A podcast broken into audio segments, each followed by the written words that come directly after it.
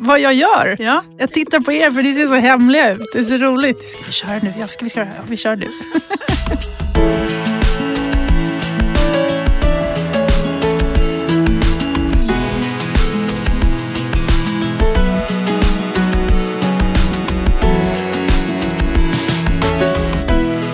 Hej och välkommen till andra avsnittet av Görbart, en podd om handgjort skapande. Jag heter Erika Åberg. Och jag heter Frida Arnqvist Engström. Vår andra gäst i Görbart är Isabelle McAllister. Hon är bland annat inredningsexpert, formgivare, bloggare, programledare och föreläsare. Vi pratar med henne om att ta inredandet i egna händer, om att ha barnens behov och intresse i tanken när hemmet ska inredas. Om hemmet som hela familjens, inte bara de vuxnas. Du har bland annat sett henne i Fixa rummet, Sommartorpet och Äntligen hemma. Hon delar också ut Isabellstipendiet. stipendiet Hej Isabelle. Vad gör du? Alltså vilken svår fråga. Menar ni liksom i livet eller? Jag gör alltid något. Hela tiden. Det gör vi väl alla kanske. Jag har precis gjort en stor julkampanj. Så att jag har, det är ju juni nu och snart midsommar och, eh, och vi har spelat julmusik och käkat pepparkakor. och haft lössnö ute i trädgården med 25 grader. Um, så att jag går och frågar alla vad de ska göra på julafton fast det är midsommarafton. Um, så det är jag lite inne i. Men det är snart semester så det är jag nog mest inne i. Jag är ganska bra på att släppa grejer. När jag väl har ur dem. Det kanske är nödvändigt också när man har så många olika saker som, som är löpande under ett arbets, en arbetsvecka och ett arbetsliv. Sådär. Ja men mm. precis. Jag gör ju ganska mycket olika saker hela tiden. Jag har väldigt svårt att bestämma mig. Jag önskar att jag skulle vakna, eller jag längtar fortfarande efter den dagen jag vaknar och bara det här ska jag göra. och så har man liksom mer en sak som man koncentrerar sig på. Uh, och det, men jag inser ju mer och mer hur äldre jag blir att jag är inte en sån. Jag är mer en mångsysslare och jag mår bra av det och tycker det är roligt. Men det är ju svårt när man själv inte kan göra en egen hisspitch på vad man själv håller på med. För då vet ju inte riktigt andra vad man håller på med heller. Men då är det nog nödvändigt som du säger att man måste kunna släppa och liksom ha möjlighet att hoppa mellan olika bollar. Mm. På något sätt. I den här podden så vill vi skapa ett samtalsrum för samtal kring handgjort skapande. Mm. De termer som vi använder oss av, vi vill bara kolla om du har lite tankar om det. Slöjd, konst, konsthantverk, pyssel, DIY. Vad betyder de begreppen för dig? Jag tycker det är svårt med liksom, pyssel, slöjd, konsthantverk på svenska för att det har ju en sån dåligt rykte på något sätt skulle jag vilja säga. Alltså inte hos oss insatta kanske men tyvärr så känns det som att det direkt tänker man näbbstövlar och liksom gamla tanter som sitter och håller på med något fånigt. Medan det egentligen kanske är tvärtom. Alltså näbbstövlarna får väl vara där, de är ju ashäftiga så det, är inte, det klagar jag inte på. Men, men ni förstår ju vad jag menar. Alltså sådär att man Nej, men det är lite liksom mindre, lite mindre värt kanske man ska säga. Säger man så DIY, och, ja, men då är det lite så coolt. Men pyssel, då tror jag alla att man sitter på, på dagis och klistrar. Och det ska man ju inte heller underskatta. Eh, men det är väl på samma sätt som att eh, förskolelärare har dåligt betalt så är det liksom nedvärderande att prata om pyssel på något sätt. Eller inte nedvärderande men mindre värt kanske man ska säga igen då. Mm. Mm. Och det men, tycker jag är tråkigt. Att göra, att slöjda, att pyssla, att skapa. Det är mm. ju olika aktiviteter. Är det, använder du själv någonting mer än något annat av de orden? I ditt eget arbete? Det är den där beskrivningen igen. Ja precis. Jag tycker det är väldigt, väldigt svårt. För att just att det blir eh, att det är så förknippat med ett slags fack. Så att jag, tyck, jag skulle nog säga att jag använder det ganska lite. Jag försöker komma runt det. Och det är ju hiskeligt svårt. Alltså, ja, vad gör du? Ja, jag driver ett produktionsbolag inom färgform. Alltså mer så än att jag tar pyssel och slöjda och sånt i min... Att jag använder det till vad jag håller på med. Mm.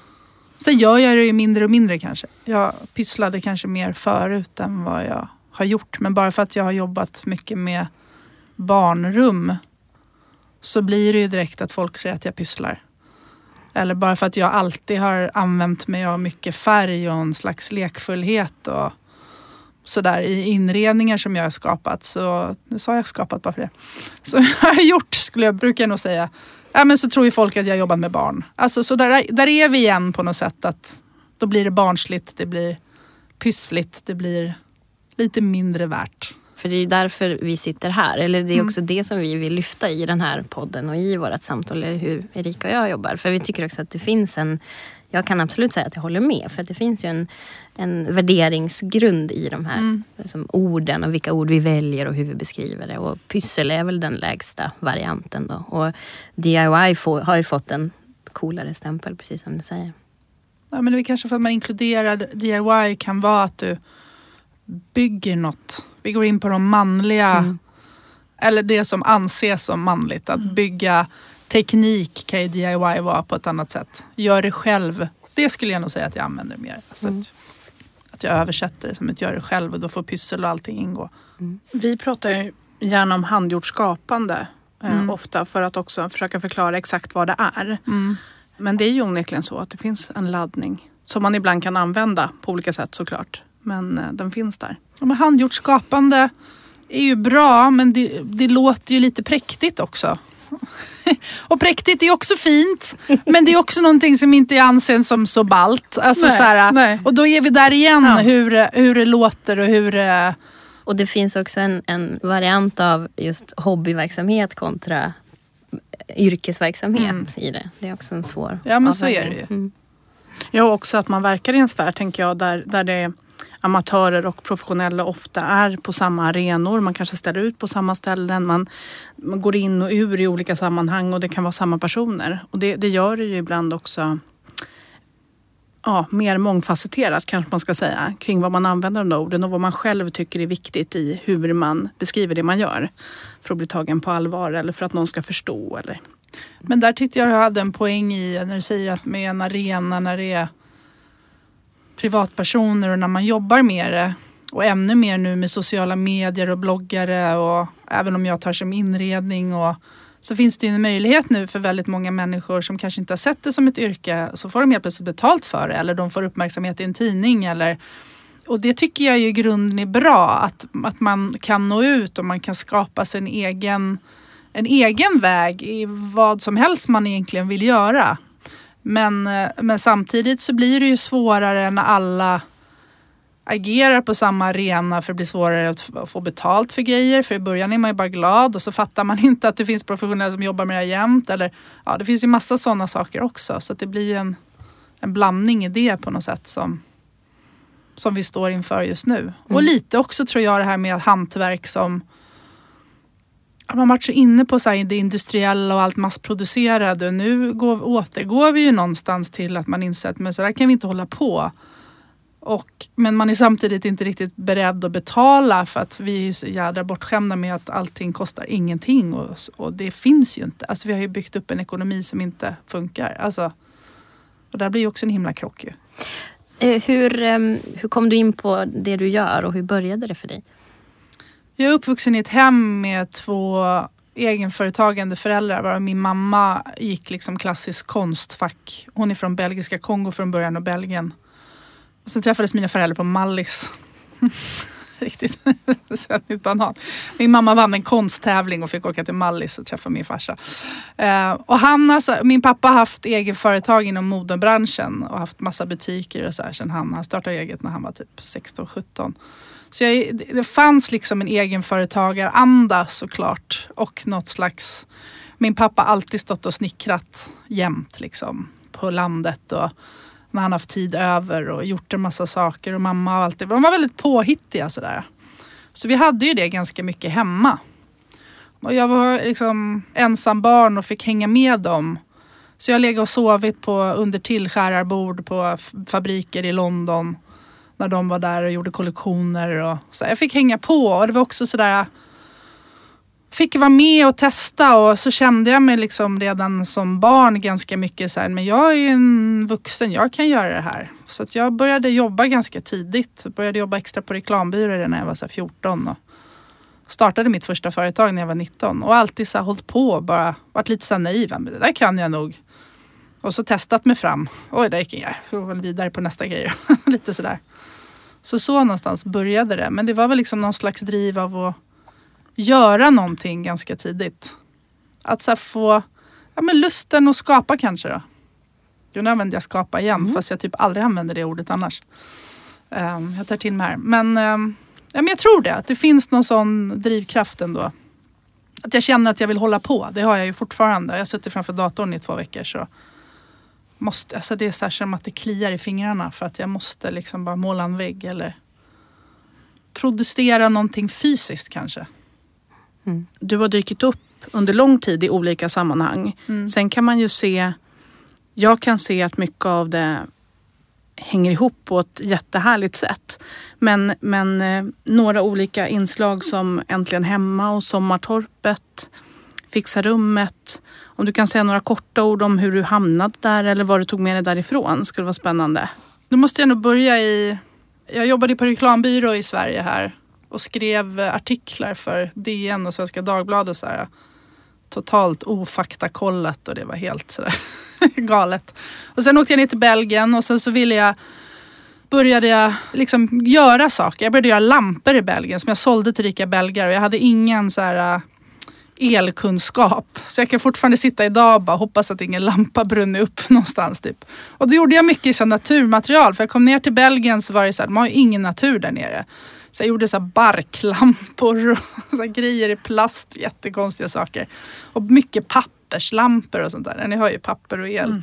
Jättebra. Men då var jag typ 18-19. Och sen började jag på Konstfack i Belgien. Men jag, då gick jag på skola i Belgien i Antwerpen där Antwerpen 6 har gått. De här Dries van Noten och Ander Möllermeester och dem. Eh, Men det orkade jag knappt ett år så hoppade jag av. Sen fick jag faktiskt jobb på motsvarande typ Veckorevyn, Amelia. Det finns en stor tidning som heter Flär som är största kvinnotidningen liksom i Belgien, Holland. Och där stylade jag både så inredning, mat och mode. Men mycket mer så gör det själv twist. Gör dina egna inbjudningar till nyår eller ja, gör eh, tofflor av bandage och innersulor. Sådana saker. när, när var det här i tid? Alltså, Ja var- men det här är alltså, vad, vad blir det? Nitt, ja, 98 till 2001 kanske någonting. Var det vanligt då, den typen av jobb? Ja, men Belgien ligger ju också lite efter. Nej men jag, det, jag har faktiskt aldrig tänkt tanken. Men det var det nog inte riktigt. Nej men då i alla fall när jag var inne och stylade där så um, fick jag erbjudande om att komma eh, på jobbintervju på belgisk tv motsvarande SVT. Och jag är där och vi sitter som typ här i ett litet rum och pratar och jag berättar vad jag har gjort och sådär. Och så var det en minikamera i ena hörnet. Jag tänkte inte mer på det. Jag pratar ju så här knagglig flamländska liksom. Eh, för det var något jag lärde mig när jag flyttade ner dit. Och, eh, och sen ringde de och sa att jag fick jobbet och så kom jag på möte så sitter vi där. Eh, och sen så försökte jag säga så här, då var det för ett inredningsprogram då på Belgisk TV. Och jag var så här, ja men okej så jag förser inredningen till programledaren, det är fine och bla bla. Och då var de så här, nej nej du ska vara med i TV. Jag hade inte fattat det. Så den här lilla kameran det var liksom som en, en test. Och då började jag göra TV då i Belgien, ett inredningsprogram. Och det var så himla roligt. Det är ju en annan... Inte så mycket för det sen. Det började sändas när jag flyttade därifrån. Men då var jag en helrakad, alltså jag hade ingen hår på huvudet. Så här, galen 23-åring som de ringde och klagade sen när det väl sändes på. För jag, någon på tv som pratar så dålig flamländska. Ta bort henne, den där galningen. Ehm, men det är skillnad när man gör en bild för tidningar, alltså en stillbild så håller man ju på och pillar i det oändliga liksom, så att det ska bli snyggt. Och tv är ju mer att förmedla en känsla och en idé. Och det passade mig väldigt bra. Det var det jag tyckte var kul, att man kom ut och var liksom ett större team och rolig omgivning och sånt där. Och sen när det då började sändas, då bestämde jag mig för att flytta hem till Sverige. Och då um, fick jag en idé till ett tv-program som heter Zigzag. Och det var ju ett par år innan modebloggarna slog igenom. Så jag tror att vi var lite för tidiga. För det var så här sömnadsmagasin. Vem vill titta på det? Ja, vad bra. Hur länge gick det? Det gick bara två säsonger. Men de körde repriser på det hela nätterna i typ så fem år. Så att alla som fick barn under den perioden har typ sett det för de satt upp och ammade. Mm. Och sen blev det ju då att jag hoppade över till Äntligen Hemma och då hade jag inte gjort så mycket inredning egentligen. Men jag var ju händig. Mm. Och då var det ju lite så här, ja men jag kan visa att jag gör fel. Och då, och då visar jag ju också att andra kan göra det för det blir ju rätt till slut. Det var lite mitt motto. Och jag kommer ihåg någon gång när de på, på det var några chefer på fyran som ringde och sa så här, men ska ni verkligen visa det här? För att jag gjorde någon, gjorde någon topp på zigzag tror jag, när allting går fel. Alltså mellanlägget pressar jag ner och bränner fast i, i strykbrädan och det blir snett och jag vet, maskinen går sönder, det är fult. Och så till slut så blev det en jättefin topp för att jag testade ny, jag flätade ihop någonting som jag sen, ja, det var någon sån här konstig grej som jag hade aldrig testat förut. Och de var så här, vill du verkligen visa det? Jag var så här, men det är ju det som är poängen. För då var ju inrednings-tv och gör det själv-tv ganska präktigt innan. Så jag tror vi på Zigzag fick vi chansen att att släppa loss för det var på, på TV4 Plus också. Så, så vi gjorde ju precis vad vi ville liksom. Och det tror jag ändrade lite sen hur man gjorde gör det själv TV för att det blev lite liksom friare på något sätt. I det du har gjort sedan dess då, har du ha- haft kvar den känslan? Har du kunnat få forma det som du har velat? Eller det, kan man säga att det är en röd tråd i det du har gjort i dina övriga tv-program? Ja men det är väldigt viktigt för mig att få forma det. Mm. Sen är det klart att även om man formar sin egen, sin lilla segment så blir man ju ändå del av en helhet och hur det klipps eller hur det är. Men jag skulle säga att det är någonting som är viktigt för mig fortfarande och blir viktigare och viktigare. Och nu går jag ju in i jobben mycket, mycket tidigare så jag är inne på ett väldigt tidigt tankestadium. Det är väldigt sällan som jag får ett jobb när jag bara ska gå in och göra någonting fint. Alltså utan att det finns ja, kan man göra det här rummet så att det passar den nya tekniken? Eller kan vi göra det här rummet så vi får barnen att röra på oss mer? Eller kan vi göra det här, äh, den här bilden som man kan få ta till sig DIY-tips? Eller, alltså det finns alltid tankar äh, bakom. Och det kanske ska jag säga att det inte det finns för andra. Men vissa går ju bara in och vill ha designgrejer och gör en fin, liksom, gör det snyggt. Så. Men det, det, det är jag totalt ointresserad av. Det måste finnas något annat bakom. Så jag försöker ju i de jobben försöker jag greppa mer och mer så jag kan forma det. Mm. Och nu har jag väl också kommit till den punkten att jag faktiskt, det är därför jag får jobben. Inredningsbranschen kan ju upplevas eh, som väldigt ängslig. Mm. På många olika sätt tänker jag. Både kanske med vad som släpps fram och vad man vågar göra. Och som du säger, man går in, man plockar ihop de hetaste formgivarna just nu och sen så är man färdig. Liksom. Men du är aldrig ängslig. Det är ju liksom det sista ordet som jag känner att jag skulle använda om jag skulle beskriva dig. Eller det som jag har sett av dig genom åren. Och det är ju helt fantastiskt. Och hur kommer det sig? Det är ur den här känslan av att det gör inget. Att visa att det kan gå lite hur som och att det kan bli bra men också i att det kan vara på ett annat sätt. Är det det som är din plattform? Liksom? Att det behöver inte vara den här ängsligheten är liksom inte något du förhåller dig till överhuvudtaget känns det som. Du känns väldigt fri och eh, övertygad och samtidigt väldigt lekfull och nyfiken vilket är en härlig kombination. Jag upplever dig heller aldrig som helt färdig och liksom statisk i att så här ska det vara. Mm, vad kul att höra. Ja, men jag håller nog med. Det är klart att jag kan vara ängslig. Jag går inte runt och bara känner mig så här äh, färdig och, och hel. Alltså på ett personligt plan kanske. Jag skulle vilja säga att jag har någon slags så här, Tourettes. Att jag alltid vill vidare. Jag vill liksom utmana mig själv och tycka att det är tråkigt när det står för stilla. Så det är en poäng att jag hela tiden Alltså jag skulle kunna varit kvar på Äntligen Hemma fortfarande eller på Fixa rummet och så. Det var ju askul. Så det är inte med det att göra. Men det är bara så att, ja, men nu kan jag det här, nu måste jag vidare. Och sen är det precis som att jag måste så här, äh, fula till, alltså stöka till det, vilket är jävligt jobbigt. Så att jag gör någonting ganska fint och så är det så här, blir det för... Jag tycker att det är så tråkigt när det är perfekt. Alltså så här, helt vackra människor. Så, här, åh gud, jag bara dör vad tråkigt. Det kan vara så fint, men du vet så här, men det är samma sak med inredning och sånt där. Det finns liksom ingenting som...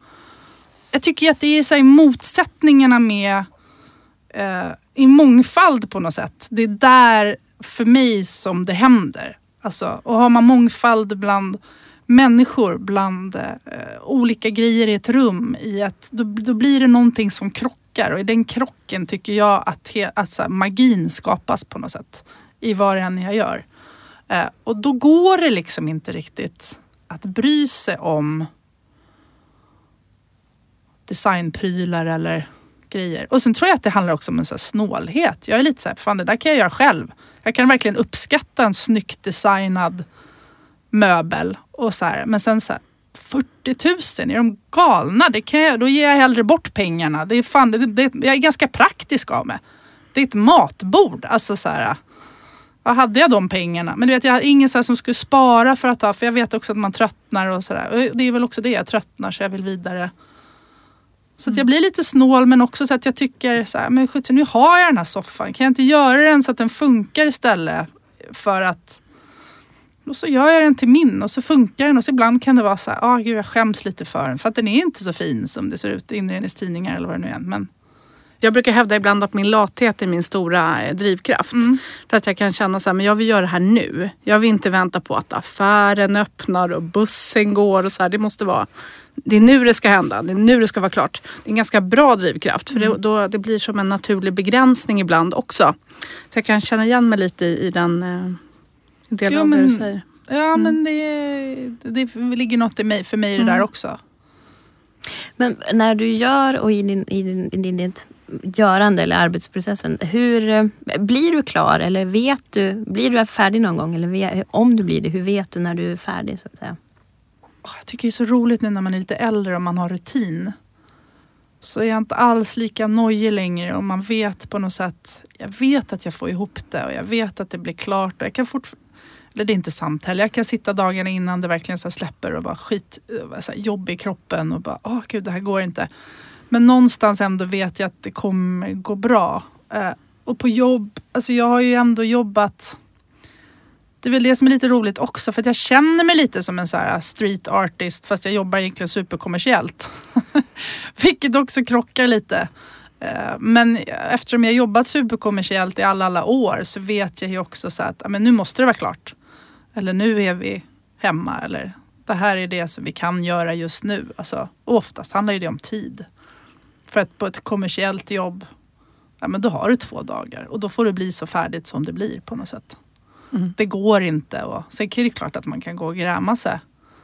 Men så vet jag att jag är klar. Men till exempel som hemma när jag inte har deadlines och sånt där. Oh, gud, då håller jag på länge. Men då blir man ju också hemma blind så det är en annan sak. Ja, men jag är också lite lat tror jag. Så jag tror liksom, men nu funkar det. Ja. Bra så. Ja, Tack jag, för mig. Ja, men jag, är inte, jag är inte så mycket så detalj eh, inne på jag kan verkligen uppskatta när man ser när det är gjorta detaljer och vissa grejer nördar jag ner mig på ordentligt. Men sen kan jag ha ganska fula kontakter hemma och inse så fem år senare att bara de där kanske man skulle ha gjort något. Alltså så här, men jag, det ser jag liksom inte. Det handlar mycket mer om en känsla mer ja. Jag tänker att vi kanske vill gå tillbaks lite och ändå prata lite om fixarummet till exempel. Mm. Vill du berätta lite hur det gick till? Hur, hur uppstod fixarummet? Fixarummet var jag fick frågan om jag ville göra som ett Äntligen Hemma eller ett sånt inredningsprogram för barn på Barnkanalen. Och så, så satt vi, jag och några från SVT och eh, utvecklade det. Och liksom så, okej okay, vad, vad ska vi göra? Hur ska vi göra det? Och då var det väldigt viktigt för mig att vi skulle göra det med ja, men att barnen verkligen skulle få vara med och kämpa så det inte var någonting som man bara så här. Hej, nu lämnar vi över det här till dig och så får du det här. Och det var väl mer bara att jag tycker att det är ganska tråkigt när man tittar på sådana program på tv. Och också att jag känner att barnen på något sätt har ganska mycket. De har ju väldigt mycket i sig. Alltså man kan ju lägga fram en, så här, en, en hammare och spik och en planka till en tvååring och de, klar, de typ det blir inga tummar som blir blåa. Alltså så här, de klarar ju så himla mycket mer än vad man tror. Mm. Och det glömmer man ju bort. Och sen så pratade vi väldigt mycket om, det var jag och Effie Johan som satt i redaktionen och vi pratade väldigt mycket om ja, men hur, vilka sorts barn, det var viktigt att vi skulle ha alla sorts barn med. Alltså från alla olika kategorier, alla sorts familjehem. För att vi är verkligen hemma hos barn. Ehm, och jag tänkte väldigt mycket på det sen när jag också, så här, hur tonen skulle vara när jag pratade med barnen. För det är svårt, man kommer in som en auktoritet både som vuxen, som mamma själv och sen som inredare. Och det var ju också svårt lite så här, ja men det blir ju ändå att alla tror att det är mina rum som jag har designat. Alltså det är en sån slags yrkesstolthet. Men ja, det, det sket jag också i på något sätt. Utan det var så att men barnen ville ha, ja det var någon unge som ville ha nio nyanser av lila. Då fick jag ner och kunde säga att det räcker med tre för med skiftningarna med skuggor och sånt där så kommer det se ut som nio. Ja men okej då. Liksom. Eller om någon ville ha lila och grönt och rosa ihop så valde jag ut nyanser som matchade. Sen fick ju jag enormt mycket friheter också. Men så började programmet. Mm. Hur visste du att det skulle funka? Eller det måste ju också ha varit ett, en, en test. För att sett i backspegeln så är det, det kanske är också väldigt, eh, väldigt lokalt hos mig. Men hemma hos mig så tittar mina barn fortfarande på alla program. De kan alla fixa rummet. Och de, det går hem så. att De är så otroligt intresserade och det är så spännande för dem att se hur det ser ut hos andra barn. Det kändes som att det var någonting så nytt som kom när, det, när ni startade. Hade ni det på känn eller var det liksom en chansning? Nej, jag tror inte att jag hade det på känn. Jag tror inte att de andra hade det heller, att det skulle vara jag tror efter typ uh, Wild Kids och julkalender så var ju, har ju fixat, i alla fall när jag var med så var ju Fixa rummets största mm. programmet. Vi fick ju typ 7000 ansökningar. Det är lika mycket som Wild Kids eller Idol typ. Vad jag insett är nog så att barnen, ja men ingen som tar liksom barnrum på, på alltså man tar det lite för givet. Alltså på riktigt, att man inser inte att barnen också bor hemma. Har jag fattat sedan dess. Alltså så här, mm. Också vill bestämma över någonstans. Om det bara är en byrå eller en vägg. Eller, och, och lite den här drömmen om att ha ett... Jag tror att det är lite som när vi tittar på resprogram. Så här, eller varför, varför, funkar det för vuxna? Alltså barn är ju inte så långt ifrån vi vuxna. De är ju egentligen samma som vi, bara lite mindre. Så jag tror inte vi fattade det. Men sen så gjordes det ju spel också. De gjorde ju ett spel som var så här som klipp och klistra. Jag tror det finns kvar kanske. Så satte de in grejer som vi hade gjort i programmet också. Och det blev ju liksom det, det mest spelade spelet på Barnkanalens. Så det var väl någon, någonting som, som hände där. Mm.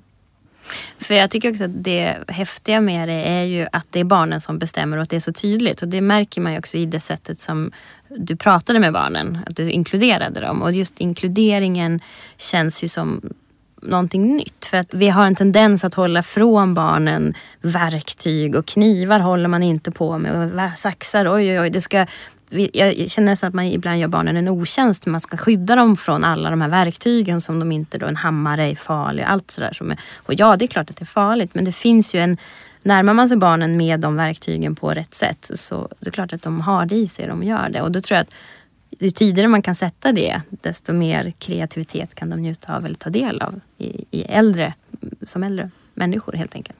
Och det är väl en bra inspirationsingång eh, att se att man kan göra om hela sina rum. Och sådär.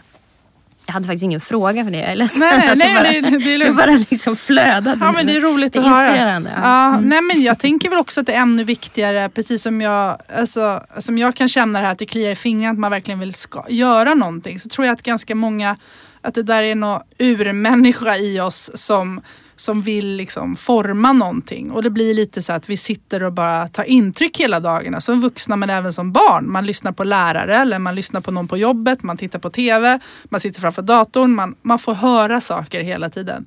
Eh, och att, det, och att man behöver göra någonting. Och sen har det där, om man nu säger skapandet i att blivit att det hela tiden ska vara så fint. Man har glömt bort att det är kul att bara göra någonting fult. Alltså lite så här en liksom, glasspinnekonst som barnen gör på skolan. Alltså så här, det är ganska roligt. Alltså om man nu har den läggningen. Men jag tror att om folk skulle bara komma över sin egen, kanske lätt för mig att säga som är ganska händig men Ja, men det kanske är om någon kanske bakar och någon kanske, men att det är någonting att forma, någon snickrar. Jag tror inte bara att det är att det är en hobby för folk. Det finns någonting i oss. Eller håller ni med om det? Jag vet mm. inte. Ja men ett behov faktiskt. Ett behov heter det. Absolut. och det tror jag barnen också har. Men de kanske inte har fått möjligheterna till det på samma sätt. Och jag tänker också att hur mer man ger dem den möjligheten nu när allting, jag är inte emot allt teknik. Men jag tror att det är bra att ha någonting annat också.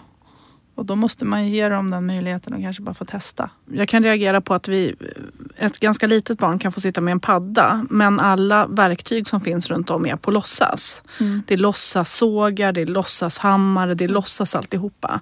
Det är liksom bilden av ett verktyg men paddan är ju på riktigt. Så här, men kan vi, inte, vi kanske kan hitta något verktyg som är på riktigt som funkar för den här åldersgruppen och så får det här vara den hela verkligheten som det faktiskt är för oss också. Det är inte parallella verkligheter. Det är ju jätteintressant hur vi fortfarande använder oss av IRL-begreppet. Liksom, fast det är i allra högsta grad samma verklighet. Och det är det ju verkligen för våra ungar, tänker jag. Både med hammare och spik och paddor.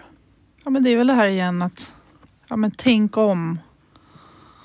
Ja, om nu tummen åker av eller om åker av. Den bara flyger, sätter sig i väggen. Nej, men det är ju en spännande tanke. Jag kan tänka ibland lite tvärtom. Sådär. Är det inte bättre att de får lära sig att hantera en vass och spetsig sax än en som är trubbig och slö hemma? Och sen den dagen man möter den där spetsiga saxen, då kommer det ju det kommer bli blod. Det kommer bli blod i massor.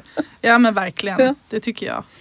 Ja, men det, jag var inne lite på det, men det är också som finns, som finns även för barn och kryper ner i åldrarna som jag tycker att man borde passa sig för. Det är just det där att jag tror att skaparglädjen och någon slags behovet av att göra saker har blivit nu Ja, men gör vi om hemma då ska vi göra det för vi ska sälja det, vi ska tjäna mycket pengar. Alltså det här igen att det ska bli, men ska vi göra det så ska det bli någon och jag förstår ju det här med att det är klart att man vill göra någonting. Alltså jag gillar ju inte heller liksom slit och släng grejen. Eh, så att man kanske inte behöver skapa något som är fult som man sen slänger. Men samtidigt så ibland så här, vad är, vad är det för fel att ha väggen och så är det en massa hål i för att man har hängt en massa tavlor och det blir fel. Man har små spikhål. Alltså det är inget så här, men det ska vara så igen där perfekta hela tiden. Vilket gör att folk blir ju ängsliga av att det är så perfekt. Och då slår jag ännu mer bakt ut emot att man måste liksom kämpa emot det där på något sätt. Mm. Att skavanken, att det är det som är fint och härligt. Ja, för egentligen är det ingen överraskning att någon har bott i lägenheten som man tänker köpa. Nej. Nej. Och sen vill man ändå göra om det igen. Så att, men det blir ju vad man blir van vid, tänker jag. Alltså precis som att, att nu när det är bikinisäsong och man provar bikini så har man bara sett alla liksom, perfekta fotomodeller så är det inget kul att se sig själv i spegeln. Alltså, eller på samma sätt. Och det är ju samma sak nu när man, när man ser alla inredningsbilder och så kommer man hem även till mig och jag vet ju ändå hur det är. Alltså jag vet ju, man vet ju att modellerna retuscheras så att alla inte ser ut sådär. Alltså, och man vet ju, jag vet ju också hur det är på en plåtning. När alla grejer står i ett hörn och så gör man jättefint och plockar undan. Det är ingen som bor sådär. Men ändå så blir man påverkad. Hur tycker du man ska göra? Hur ska man förhålla sig till sin egen inredning eller sitt eget hem eller sin egen kreativitet? Nej, men jag tror man måste hela tiden kämpa med att det är okej det man själv gillar och tycker om. Ehm, nu kanske jag hoppar lite från din fråga men jag tänker hemma är det väl också att jag tänker dagligen på hur jag kan motivera, alltså hur, hur jag motiverar mig själv av att vara i någon slags inredningsytlig eh, bransch kanske. Och då ser jag väl som att ja, men jag hoppas att jag kanske kan bryta det genom att inte vara så ängslig men också att genom att det mer handlar om att ta alltså så här, återbruk och ta tillvara på saker som redan finns. Vad kan man bygga själv med saker? Hur kan man göra om något som man redan har? Kan man köpa någonting second hand? Och sen någonstans, här, jag, jag, jag tycker ju, jag är ganska stökig hemma. Jag tycker ju så har jag en fin och härlig bas så spelar det ingen roll hur stökig man är på samma sätt. Eh, för att det är ändå härligt hemma på något sätt. Att man, det, det måste vara okej att bry sig om alltså sig själv och sin, sin omgivning. Det finns ju någon gräns där och att, och att det är väldigt viktigt att skapa sig någonstans sitt Thailand hemma som man inte bara längtar bort hela tiden. För att vi är inomhus mycket. Men samtidigt inte göra det till allt. Alltså så man måste gå och städa. Alltså man tillbringar hela sitt liv för att plocka grejer eller att det ska vara så perfekt. Eller leva som ett museum för att ja, man bygger någon slags bild av sig själv på något sätt. Mm. Nu tänker jag däremot hoppa lite och be dig berätta om någonting som, som vi tycker är väldigt spännande och det är ju Isabellstipendiet. Mm. Det instiftades 2011. Mm. Vad var impulsen som gjorde att det instiftades? Och, ja, börja där så fortsätter vi. Men, jag hade väl... eh, snickrat i tv i typ tio år då. Och fortfarande så var det så här. Men hej Isabelle, står du här med en skruvdragare? Du vet, man fick så mycket kommentarer jämt. Och sen under åren eh, så har jag ju stött på många kvinnor i branschen och hört mycket historier. Och, också, och deras berättelser om porraffischer i omklädningsrummen. De har inga omklädningsrum. Hur många unga tjejer som vill eh, gå hantverkarlinjer har blivit motarbetade. Lärare, de har kommit in och så är det en grupp med, med killar och så är det liksom en tjej som vill söka och så, eller två. Ni slampor har ingenting här att göra. Så, som har sagt det nu och då var det så här 2011 är de galna. Och så är det ju en sån himla, alltså byggbranschen är ju inte så rörlig. och, och, och så.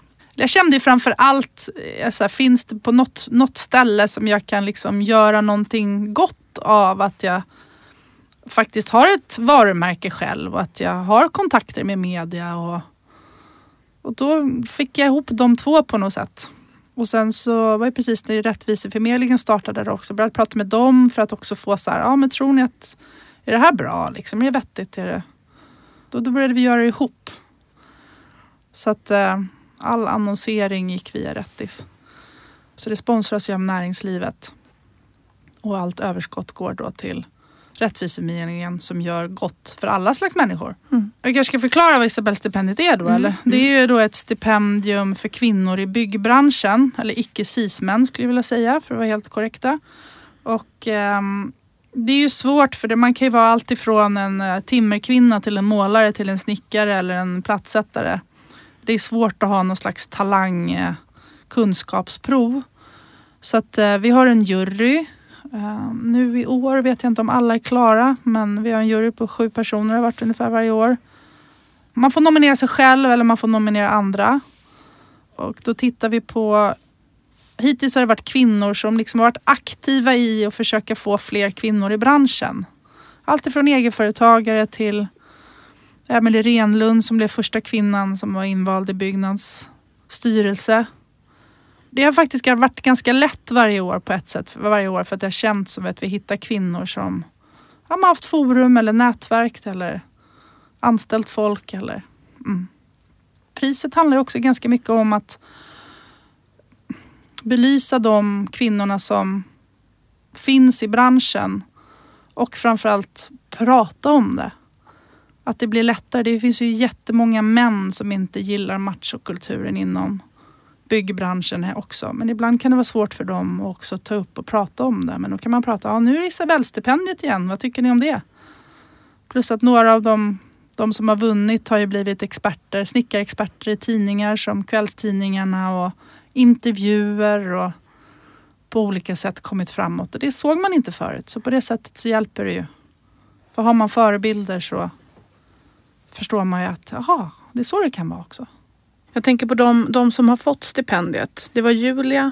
Julia har varit platssättare. Mm. Emelie Renlund innan var snickare. Mm. Så har vi Emelie Sommar och hon jobbar ju på en byggarbetsplats. Emelie Sommar är också snickare, hade egen firma. Mm. Sol Vargdotter, hon bytte namn. Hon är eh, ställningsbyggare mm. och är väl också kanske murare från början tror jag. Och sen har vi första året var det Sara Mikael som var så ekologisk. Eller så hon bodde, byggde ekohus och så, mm. men är snickare i grunden mm. också. Så det har råkat bli många snickare. Ja, ska det bli spännande att fortsätta följa. Ja, så det är bara nominera någon eller kolla in på isabellstipendiet.se. Vi, nomineringsprocessen drar igång nu efter sommaren direkt, typ i slutet av augusti någonstans. Så delas det ut på Hem och Villa i oktober. Jättebra. Vi har pratat lite om vad du har för drivkraft. Men vad inspirerar dig? Om du känner att du behöver lite påfyllning, finns det några särskilda sammanhang du söker upp då eller något, något särskilt som du gör? Nej, men jag, jag jobbar ju jämt skulle jag vilja säga. Alltså sådär, jag har inget så att jag behöver sätta på en viss musik och sätta mig i en lotusställning och, som man kan tro på film. Eh, men jag, dels så samlar jag på idéer tror jag ständigt så här, att men det här är kul, det här kan jag göra någonting med. Jag har liksom fått upp en sån teknik. Jag samlar i mappar på datorn och jag, Pinterest kan vara en sån eller ta skärmdumpar. Det är inte alls att jag går tillbaka till dem men det fastnar någonstans. Och sen kan det vara grejer som jag känner så här, oh men gud jag vill... En grej som jag haft på bucket list nu, tio år, är att göra en lön, en lönngång. Jag vill göra en sån här Batman. Ja, men du vet en hylla som man trycker och så finns det en, typ en trappa ner till våningen under. Fan vad kul va? men jag har inte hittat något ställe att göra det på. Men då kan det vara sådana saker fast i lite mer enklare form kanske. Mm. Mm. Ja den här en blå vägg med det där på eller kan jag göra så eller kan jag måla det på det här sättet så liksom samlar jag på det. Men sen tycker jag framförallt att det är i inspiration kommer i begränsningar. Alltså när man får en en deadline eller ja, moster Bertas gamla soffa, den måste vara med. Den är så jädra ful men den måste in. Eller i möte med folk. Alltså så. Tycker jag är, är nice. Mm. Då händer det grejer. Men om man följer dig på sociala medier, vilket är trevligt och roligt, det kan jag rekommendera. då, då bloggar du och så är du aktiv på Instagram och då kan man se ditt eh, sommarhus, ditt i Leksand. Visst är det mm. Leksand? Ja, det är Leksand. Och där känns det som att det, det, är en annan typ av eh, kreativitet som, som frodas där på något sätt. Det du visar upp. Jag tänker, är det, är det skillnad för dig på att vara kreativ på jobbet och kreativ hemma? Ja, jag vet inte om jag tycker att det är sån skillnad. Jag tror att vi har ett hus precis bredvid skogen. Så att eh, det kanske är liksom att naturen har blivit mer närvarande på något sätt. Nej, men sen landstället är ju friare. Men jag gör nog det ganska mycket hemma också tror jag i lägenheten. Även om jag inte tar ut svängarna lika mycket. Men så testar jag ganska mycket hemma. Det är omålade väggar och det är alla olika färger. Det har varit jobb som är gjorda. Eller inte omålade men de är målade liksom sju gånger. Och det blir liksom aldrig riktigt klart. För att jag, jag testar grejer. Och i Dalarna är det ju kul för där har jag gjort saker. Som kom in någon så timmergubbe som hjälpte mig för att jag vågade inte såga i, i fasaden så att hela liksom, stockarna inte skulle hålla upp. Och så kommer han så här. Ja du Isabelle, det här har du förstört snyggt sa han. Bra komplimang där. Det här du Isabelle, det har du förstört snyggt. Mm, Okej. Okay. Tack. Så jag tänkte jag måste göra en bok som heter det. Så kan man säga samman, så kan vi liksom ha som en liten samman... sammanfattning av livsgärningen. Oerhört bra. och, det, och det kanske inte är så långt ifrån hur det blir många gånger. Alltså ibland kan jag titta tillbaka till saker jag gjort så bara, alltså det där var askul. Och jag, bara, jag var så inne i det och så bara, men pff, blev det så bra? Jag vet inte. Men jag testar. Alltså så att jag gillar att testa liksom, vad är det som händer? Men, men om man vänder på det, om, om inspirationen, du får inspirationen, du, du, du vrider och vänder på din egen kreativitet. Vad önskar du själv att det du gör ska ge för ringar på vattnet? Jag tror att i, i grund och botten så är jag först bara glad att jag, att jag klarar av det själv. Alltså jag blir så här liksom barnsligt. Jag har flera kompisar som har sagt till mig så bara, ja men alltså ge dig. Du, du, har liksom, du jobbar med det här. Det är inte så konstigt att du klarade och bygga den där trappan av stockar typ. Och jag är bara så vet du vad? Jag klarar att bygga en, en, en trappa av stockar. Så fortfarande kan jag bli sådär barnsligt liksom glad av att jag bara klarar av det. Um, så att det är någon egogrej här först och främst. Bara så här, Gud, det där har jag aldrig provat på. Det där är nog roligt. Men sen framförallt tror jag så att jag ju någonstans vill att folk ska våga lite mer. Känna sig det är okej att testa. Det är okej om det går fel. Eh, det är okej att eh, ja, försöka. Och att det kan vara ganska kul. Om man har en liten liksom, tanke om att ja, men det där skulle vara roligt. Så hoppas jag att, man, att jag... Och det tror jag att jag blivit bättre på. Förut var det mycket mer... Alltså jag är väldigt dålig på att laga mat. Och när folk är såhär, men vadå, det är bara att öppna kylskåpet så tar du, du vet ju vad som smakar gott. Och så har jag varit med inredning förut. Ja men vadå, det är bara att ta en provburk. Eller bara ta en planka och så sågar du lite. Men folk får ju panik av det. Precis som jag får panik i köket. Så jag har insett att man måste vara mycket tydligare med så här, gör det här och det här. Då ja, kan det funka. Så, där. så jag försöker vara lite tydligare med att ge recept numera. Så vet jag inte om jag lyckas med det. Men, men du sa om inspirationen också, om jag hoppar tillbaka på det, så tror jag jag gör så himla mycket olika saker hela tiden. Och det blir att jag aldrig stagnerar i en och samma... Så jag är lite så här, ja men nu är jag jävligt trött på inredning. Ja, men då, då hoppar jag på det här och filmar jag lite mer. Det är liksom, ja, hittar jag någon annan grej att göra. Och sen Mm. kan man komma tillbaka. Så jag, hinner, jag behöver liksom inte återuppfinna samma grej hela tiden. Det fyller på varandra. Ja, Mm. Smart. Mm. Bra ordnat arbetsliv, tänker jag. vi har några frågor som vi brukar vilja ställa och det har bland annat med den här görandekulturen som växer fram idag med DIY och makerrörelsen. Som är mer eller mindre politisk kan man väl säga. Hur ser du på den? Förändrar vi världen nu? Och vilka är vi som gör det? Både utifrån det här hållbarhetsperspektivet som vi pratade om med eh, vad händer med världen och, och vi, måste, eh, vi måste börja se på resurserna på ett annat sätt. Men finns det delar i det som du gör som du tänker inspirerar till det? Eller har du någon egen känsla för vart vi är på väg någonstans? Jag tänker i de jobben du får göra till exempel. Kan du se någon strömning i det? Jag tycker det är väldigt, väldigt svårt. Jag hoppas ju att trenden i att börja göra mer själv för att man också vill ha någonting mer unikt och det känns mer eh, okej.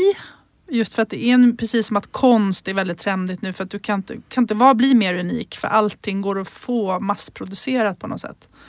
Att det gör att man också fattar att saker och ting kostar om det nu är tid och genom blod, svett och tårar eller vad det nu kan vara. Att man tar tillbaka. Jag tycker nu när folk börjar odla igen så kanske man förstår värdet mycket mer av när man väl köper liksom, en låda tomater eller vad det nu kan vara. För man fattar att men herregud, den här lådan tomaten har jag kämpat med om jag skulle göra det själv hemma. I den formen så tror jag det är bra. Och samtidigt så är det svårt för man ser ju att många stora företag och många, så som jag sa, jag jobbar ju kommersiellt, jobbar ju mycket med sin hållbarhet och sådär. Men sen är det ju samtidigt så här, ja vi släpper en kollektion med 80 grejer. Och så är det så här grejer som, behöver vi verkligen de här grejerna? Men det är hållbart gjort. Och då blir man lite så här, ja men liksom tar inte det ena ut det andra då? Och vad, ja. Så det är svårt. Jag tror att det behövs ju igen liksom en större politisk bara, vi måste alltså lägga om. Alltså det systemet är en sån rullning på något sätt. Mm. Eller vad säger ni? Jag vet inte. Jag brukar tänka att vi har ett större kollektivt kreativt självförtroende idag. Som jag ser som en räddning eller räddningsplanka. Jag Mm. hoppas att vi ska göda den räddningsplankan ännu mer. Att man ska kunna, precis som du är inne på, att man ska kunna förstå att okej, okay, jag behöver kanske inte köpa det här nytt. Jag kanske kan göra själv. Och då kan det sakteliga flytta fram positionerna för att man kanske ska minska konsumtionen och se att det, vi, har en, vi har ändliga resurser. Och jag hoppas att det kreativa självförtroendet ska öka ännu mer. Jag, jag, i, min, min, I min värld tänker jag att det är ett gott tecken framåt och jag, jag ser det som en möjlighet. Vad tycker du om det kollektiva kreativa självförtroendet? Jo, men jag tror också att det växer. Mm. På ett sätt, samtidigt som jag oroar mig för det är, som, det är som två svängningar. Att det växer på ett sätt och på ett sätt det här med de här perfekta bilderna och de här designade miljöerna och de här äh, de stora pengarna i att sälja fast eh, liksom, lägenheter och gör att man att det är en sån himla perfektionist som också är svår att liksom nå på något sätt. Vilket oroar mig också. Du använder gärna din egen person och ditt varumärke för att göra den typen av påverkan i batteriåtervinning och annat. Kan du se att du gör skillnad där? Ja men det hoppas jag verkligen. Jag tycker att det är min förbannade rättighet som jag har de plattformarna jag har och att, och att, att vi, alltså det finns ju ingen annan återväg. Vi måste ju tänka på vad vi håller på med. Jag jobbar ju med Blocket också. Alltså så att det finns ju så mycket grejer som man kan köpa second hand. Som är fint och bra och man kan få sin köplusta stinnad på något sätt. Så att jag tänker att jag måste göra det. Det är väl också det, på det sättet jag känner att jag kan jobba med det jag gör. För annars har jag inte mage att göra det på något sätt. Nu har vi pratat om mycket sådär, gjort små nedslag i det du har gjort under en ganska lång tid. Och jag tänker att eh, om du bara får fortsätta och på det sättet du gör inspirera till och visa på att den första tanken kan vara, kan jag göra det här själv? Och att du är en person som visar hur det är möjligt. Om vi kan inpränta det i det här kollektiva självförtroendet på det sättet som du gör, då har vi kommit en bra bit på väg. För vi har ju en tanke och en känsla av att det också gör saker med en människa när man får lära sig att man kan göra själv. Mm. Så utifrån det känner jag mig hoppfull i att du har de här plattformarna och använder dem på det medvetna sättet som du gör. Det är väldigt roligt att få ta del av. Ja, men jag, alltså jag börjar nästan gråta nu för att ni så här, det känns som att ni ser det. För det är inte alltid det är ju inte så lätt för man får ju stångas. Alltså, det är väl samma sak som, man, alltså, som vi var inne på med kroppar och med rynkor och med så här, ja men ska jag inte, alla andra botox, alltså, ska jag inte, alltså, så här, för det blir, man sticker ju, alltså, det blir ju inte alltid lika tjusigt eller lika liksom bombastiskt eller liksom nytt eller värderas ju inte lika mycket. Så att jag är så himla glad att ni ser det faktiskt. Att jag försöker, alltså på något sätt. Mm. Och det är väl det lite jag hoppas på och, tyck, och det är framförallt också det jag tycker själv är roligt och känner lite så att om jag nu har det här bordet som jag har målat om från blad, varför ska jag då köpa ett nytt? Jag kan göra det men jag har liksom inte mage till att göra det för att det känns så himla onödigt på något sätt. Um, sen ska jag inte säga att jag inte shoppar eller konsumerar. Det gör jag ju. Men mm. att man ändå tänker till innan på något sätt. Isabelle, vad vill du göra härnäst? Alltså, gud. Ja, men nu är jag så sommarinställd så nu känner jag att jag bara vill så här radera hårddisken lite för att ta nya tag. Det är ju lite dilemmat lite som vi varit inne på. Så här, att jag skulle vilja jobba med någonting som är lite mer beständigt. Att ofta så gör jag projekt och så är de över och sen så får man börja på ny kula hela tiden. Det är lite jobbigt att hela tiden ladda om för ofta så gör jag saker som också är lite på ny mark. Det är kanske ett företag som inte har jobbat på det där sättet innan och så tar de in mig eller så gör, ja, de vill testa någonting. Och då får man då blir det också att jag får, liksom, jag får lära mig samtidigt som företagen, som jag, kunderna jag jobbar med får lära sig och det tar ganska mycket kraft. Och då är det ju lite så här, ja men starta ett märke eller få ut en produkt eller så här. Men så är jag så här, men vi behöver inte mer produkter. Och det finns inte riktigt ekonomi i det här att göra om och göra, alltså så här. Så att jag, det, det, det, det är liksom, pular jag lite på hur få någon slags hållbarhet i mig själv kanske också i de grejerna jag gör och kanske bli lite mer tydlig i det, i det jag håller på med. Eh, så att det också blir lättare. De här recepten som jag pratar om, alltså att det blir lättare för folk att ta till sig. Hur gör vi det lättare för att den här, vad sa ni kallar det för? Kreativa kollektivet, självförtroendet. Att det liksom, hur kan vi bygga det mer kanske? Mm. Det är något jag fnular på. Så har ni idéer så kom till mig. Mm. Mer kollektivt, kreativt kollektivt självförtroende åt folket. Ja men mm. typ. Mm. Och om man vill följa dig i sociala medier eller så, var hittar man dig då? Instagram, där heter Isabelle McAllister. Och sen finns jag på eh, bloggen som är på L-Decorations, isabelle.ldecoration.se. Och följer man mig på Facebook så kan man ju få ta del av lite både det ena och andra också. Finns på Snapchat också men det är väldigt sällan. Men gud vad bra det är när jag väl dyker upp där. Ja, jag skojar Då går det fort. Ja, då går det fort. Youtube har jag ju också. Jag har ju en egen Youtube-kanal som jag har en massa DIY-program på. Det är också Isabelle McAllisters egna kanal. bra. Då vill vi tacka dig så mycket för att du ville komma hit idag ja, och prata med oss. Det var roligt. Mm. Tusen tack. Vi söker långsiktiga samarbetspartners för att kunna fortsätta utveckla och producera Görbart. Det kan handla om att din organisation eller ditt företag vill vara med oss några avsnitt eller rent av en hel säsong. Mer om oss hittar du på vår hemsida gorbartproduktion.se eller i sociala medier. På Facebook under Görbart, på Instagram under Gorbartproduktion och på Twitter som att Gorbartpodd. Görbart produceras av Beppo ljudproduktion. Tack för att du har lyssnat.